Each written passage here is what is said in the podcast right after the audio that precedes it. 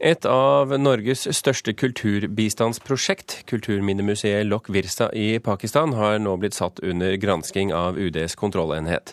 Penger som skulle gå til konserter og museumsutstillinger, kan ha blitt brukt på bl.a. direktørens luksusvilla. UD har nå satt i gang med en spesialrevisjon for å komme til bunns i saken. Når det blir dokumentert at penger er brukt i strid med forutsetningene, så vil vi kreve de midlene tilbakebetalt. Sier Arne Bjørnstad i Utenriksdepartementets kontrollenhet. De er i gang med å fullføre en granskning av økonomien til kulturminnemuseet Lok Virsa i Pakistan. Hvis vi kommer til at eh, det er hvert fall en grunn til å gå videre inn i saken, så vil vi først se om det er mulig å finne ut av det gjennom andre måter enn å ta inn eh, spesialrevisjon. Men i visse tilfeller er det da spesialrevisjon som tydeligvis må til.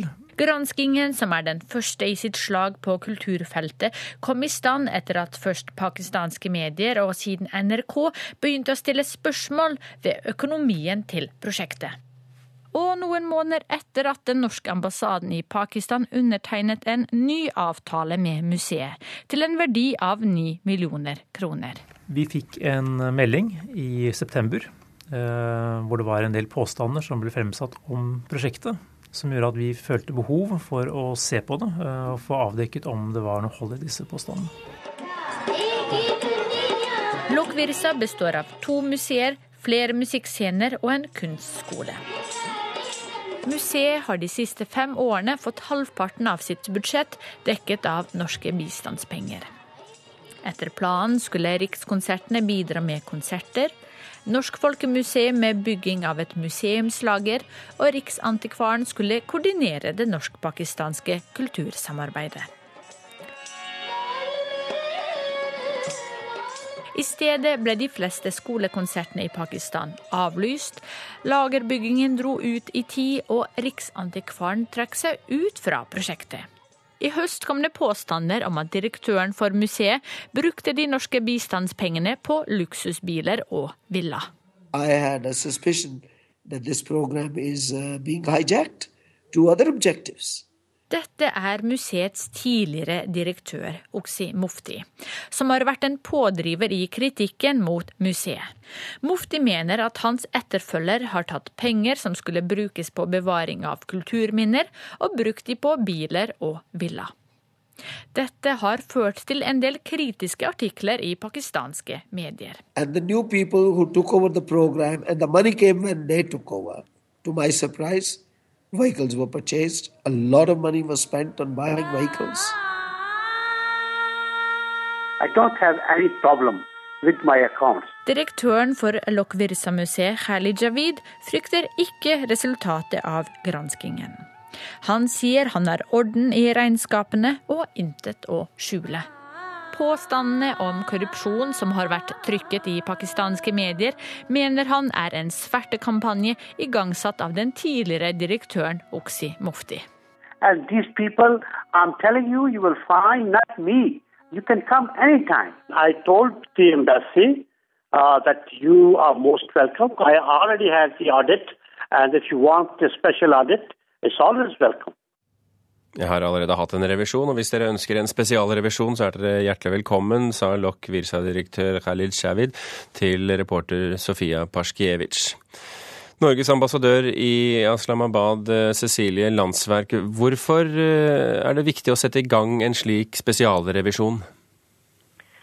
Vel, det er klart Når det fremkommer kritikk, som det har skjedd her, eh, gjennom media i denne sammenhengen, så er det absolutt grunn til å ta påstander alvorlig.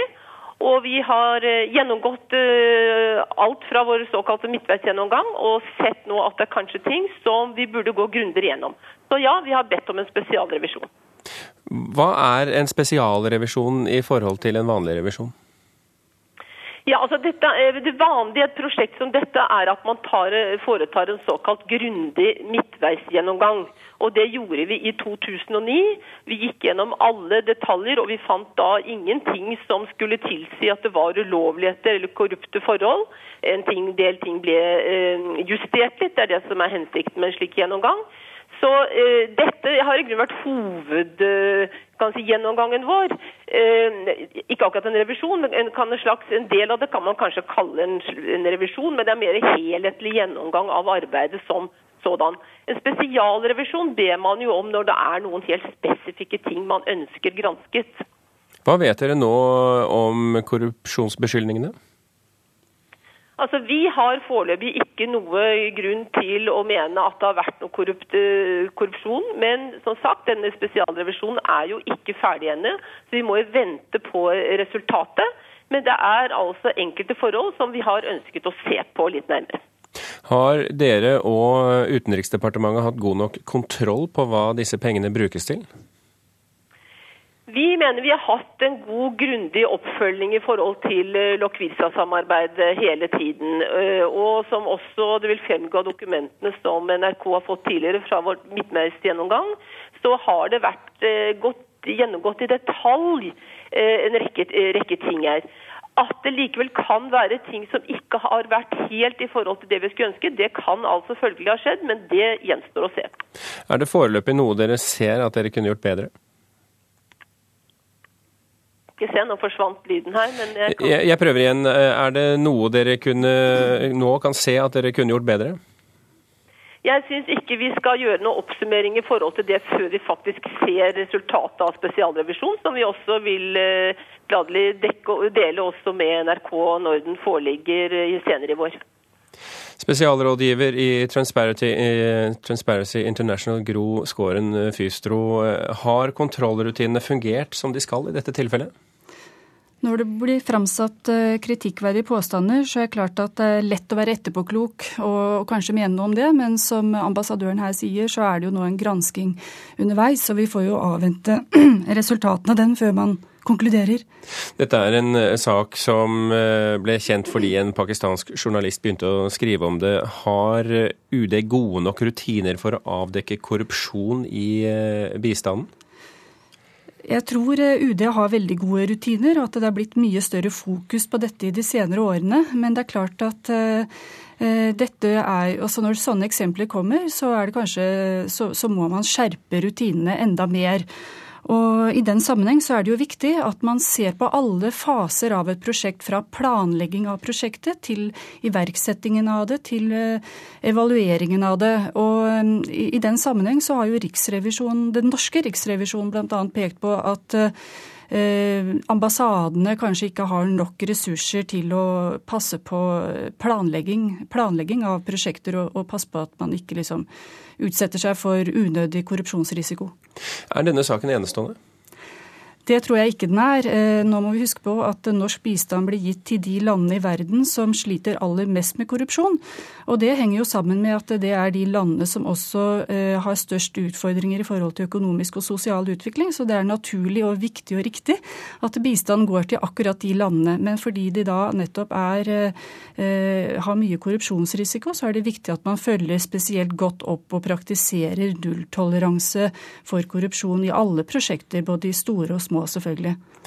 Eh, kulturbistandsprosjekter er jo gjerne mye mindre enn helse, utdanning osv. Er det et poeng å bruke mye penger på overvåking når prosjektene ikke er særlig kostbare? Her snakker vi jo tross alt eh, om totalt 21 millioner kroner på fem år.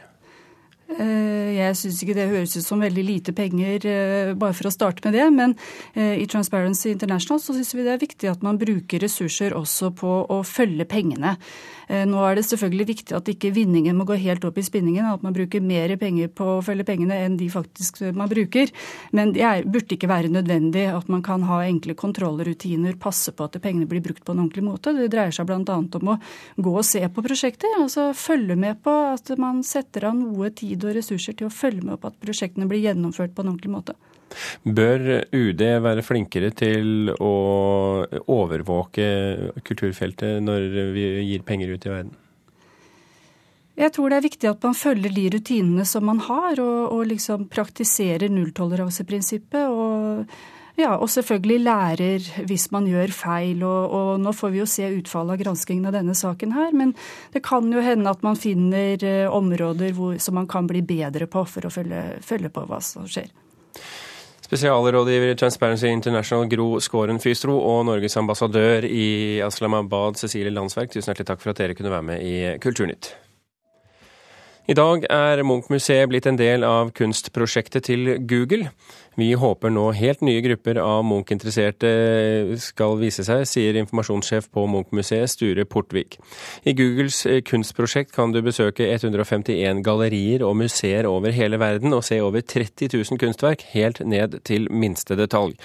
20 millioner mennesker har besøkt Googles kunstprosjekt på nettet så langt. Også Det hvite hus blir en del av kunstprosjektet. Ved hjelp av Googles Street View-teknologi inviteres hele verden til virtuell omvisning i det amerikanske presidentskapet presidenthjemmet. Brennpunkt-dokumentaren 'Byen som kunne ofres' er felt av svensk radio- og TV-myndigheters granskningsnemnd. Dokumentaren handler om massakren i Srebrenica under krigen i Bosnia 1995.